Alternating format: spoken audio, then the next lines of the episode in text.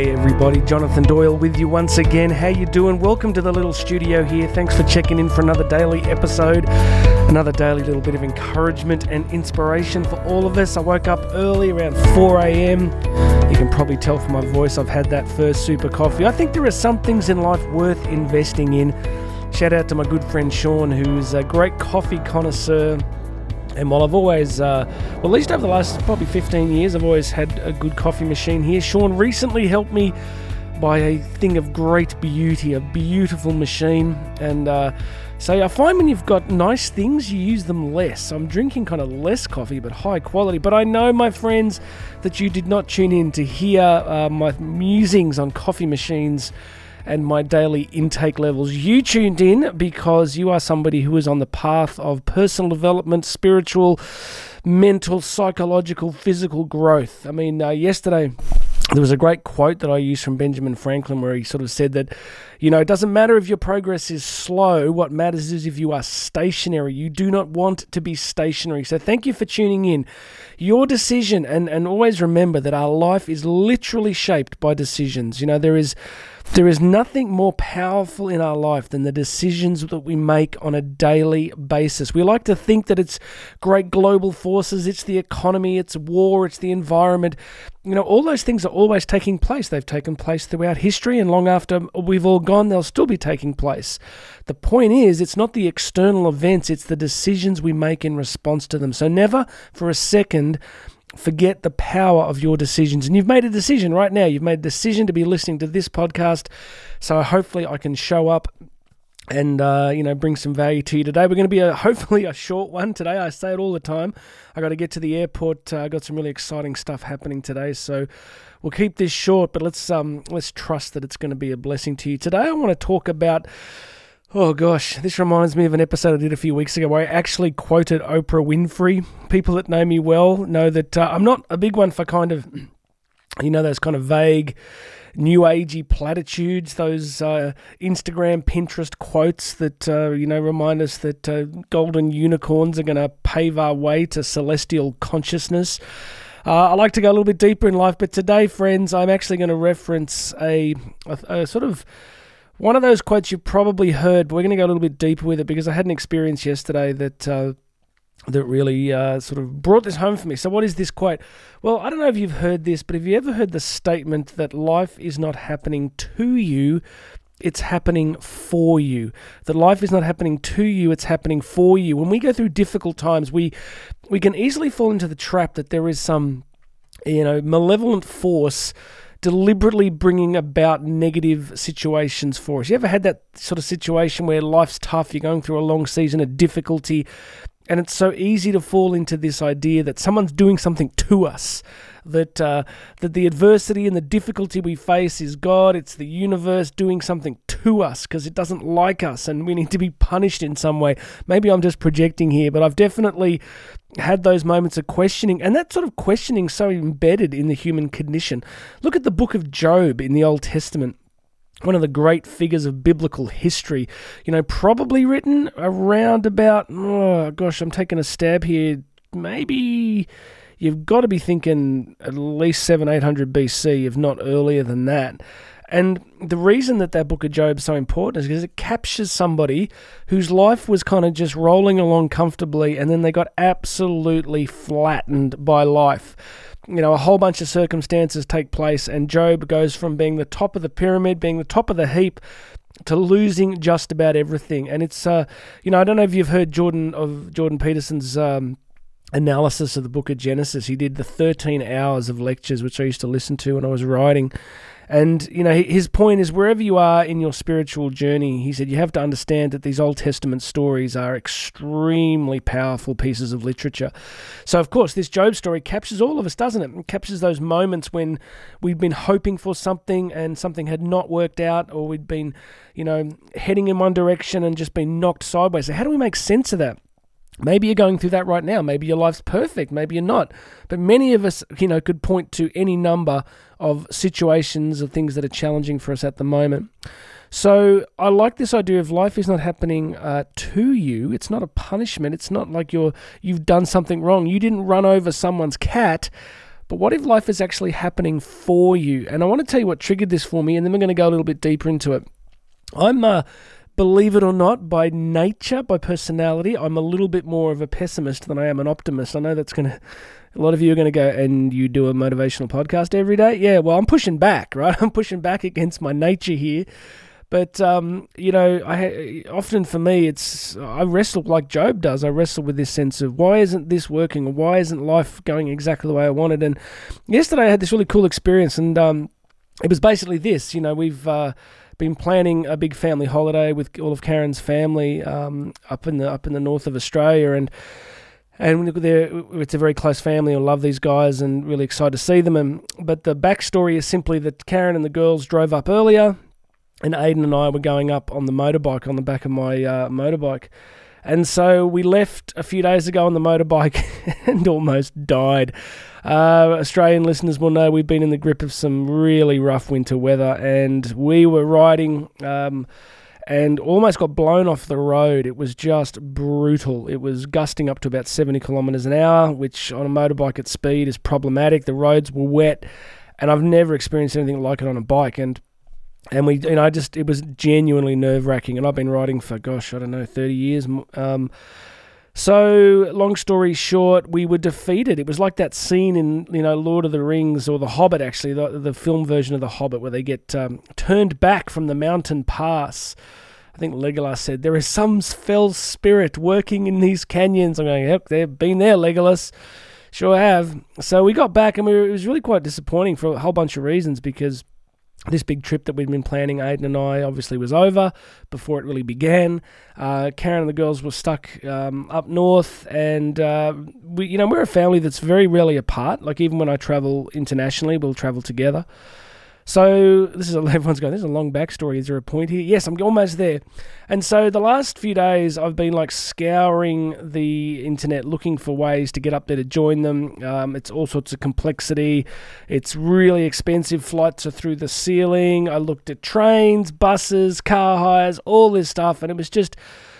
And I was sort of praying throughout the day, going, "Come on, help me out here. Give me, just give me something," and nothing. And then uh, it got to late in the day and I was I just agonized all day about um, what I was going to do. And finally, at about three or four o'clock, uh, these flights just appeared that were just perfect, and um, we snapped them up. And my point was that it was an experience of kind of going, you know, I, I felt unhappy, dejected, everything was against me, and then this little breakthrough happens, and it was a experience for me of like God showing up, the universe showing up and going, "Hey, I got you back this time. All right, this one's for you." And I was so stoked.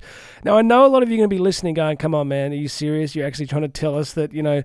Doesn't God have better things to do? Like he's running the cosmos. You think he's going to organize some tickets for you? I'm like, yes, I actually do. I actually do think that. Um, and even if I'm wrong, it's a good way to think because it just makes you more grateful and more positive about what's going on in the world. So, back to the quote life isn't happening to you, it's happening for you. So, occasionally you get these blessings that flow through. And it made me realize that. Uh, you know that things happen for us things things good things can happen so this leads to the obvious question that i know you're all thinking right now okay you're going jonathan we get it we get that you had this nice experience but please explain to me all the terrible things that happen. Please explain to me how your theory works when all of the darkness is in the world on the macro level in terms of conflict and famine and finance and economics and war and and all this stuff. You know, explain to me how your theory holds true. I'm going to take a stab at it. It's this. What if even the darkness that we face and the pain that we experience is working or can work in our favor? So nobody wants to suffer. You go back to Job. Job did not want to suffer. Nobody wants to suffer. Nobody wants to put their hand up and say, hey, I would love everything to go wrong in my life. I would love failure. No one says that. They'd be irrational, be crazy. So, how can these things work for us? I guess the obvious answer for me is that if we want to, if we decide to, we can discover a meaning in the most difficult circumstances in our lives. So I want to give you some examples. Um, firstly, I'll give it some foundation. I often speak about people like Viktor Frankl and um, Eddie Jaku's book, The Happiest Man in the World. You know, these are guys that lived through Auschwitz, they lived through the Holocaust, the extermination camps, and they speak consistently, powerfully, clearly of both the possibility and the practice of finding ways to survive by finding meaning and finding gratitude and finding some positive things. Now, they suffered and they write deeply about the level of suffering but they still found a way to find light and meaning and ways to serve and contribute in the darkness. So I want to put that foundation in first and say that no matter what we face, no matter the horrific things that happen in life, it is still possible to find meaning and significance. So in my own background, like, you know, some of you would know, you know, for many years I struggled with depression. I struggled with uh, an anxiety disorder you know, which was always ironic being a professional speaker.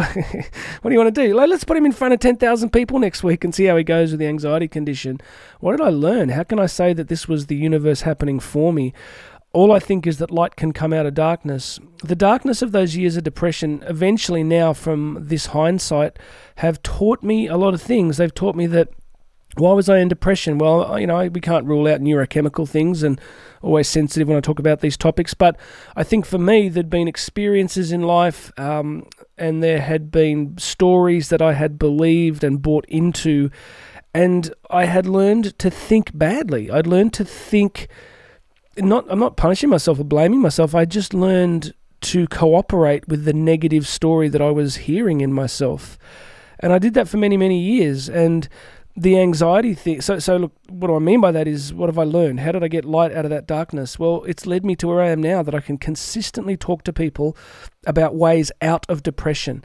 It's taught me that getting my body right, getting my physicality right, has helped me a great deal in terms of managing mental health and well being. It's taught me that I have to be ruthless and relentless at monitoring and managing and directing my own internal conversations. So, do you see that even as bad as those years were, they they have given me something that maybe God was allowing this, not causing it, but allowing it so that light could come out of it, that I could teach people, that I could offer something back to people and say, Yeah, I know where you've been. I know how you've suffered. I know what it's like. And I want to share with you some ways out of it. Anxiety, the whole journey of anxiety, you know, something that I still have to be vigilant about is taught me trust. It's taught me that the only answer genuinely to anxiety over time is a radical consistent, daily, crazy, nonsensical trust in God and, and, and life and just accepting my limitations and powerlessness. So I, I wouldn't have learned that if I hadn't been through that. So, what I'm getting at again is that maybe life wasn't happening to me. Maybe I wasn't being punished. Maybe I was actually, things were being allowed that would eventually allow me to teach and to encourage people. That's just a thought. I could be wrong.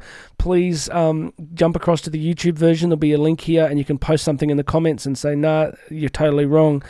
So, I, I want to just summarize all of this by saying that even the darkness that happens to us, even the pain that we experience, can in the hands of grace, and if we cooperate with grace, can allow us to grow and bless others in powerful ways.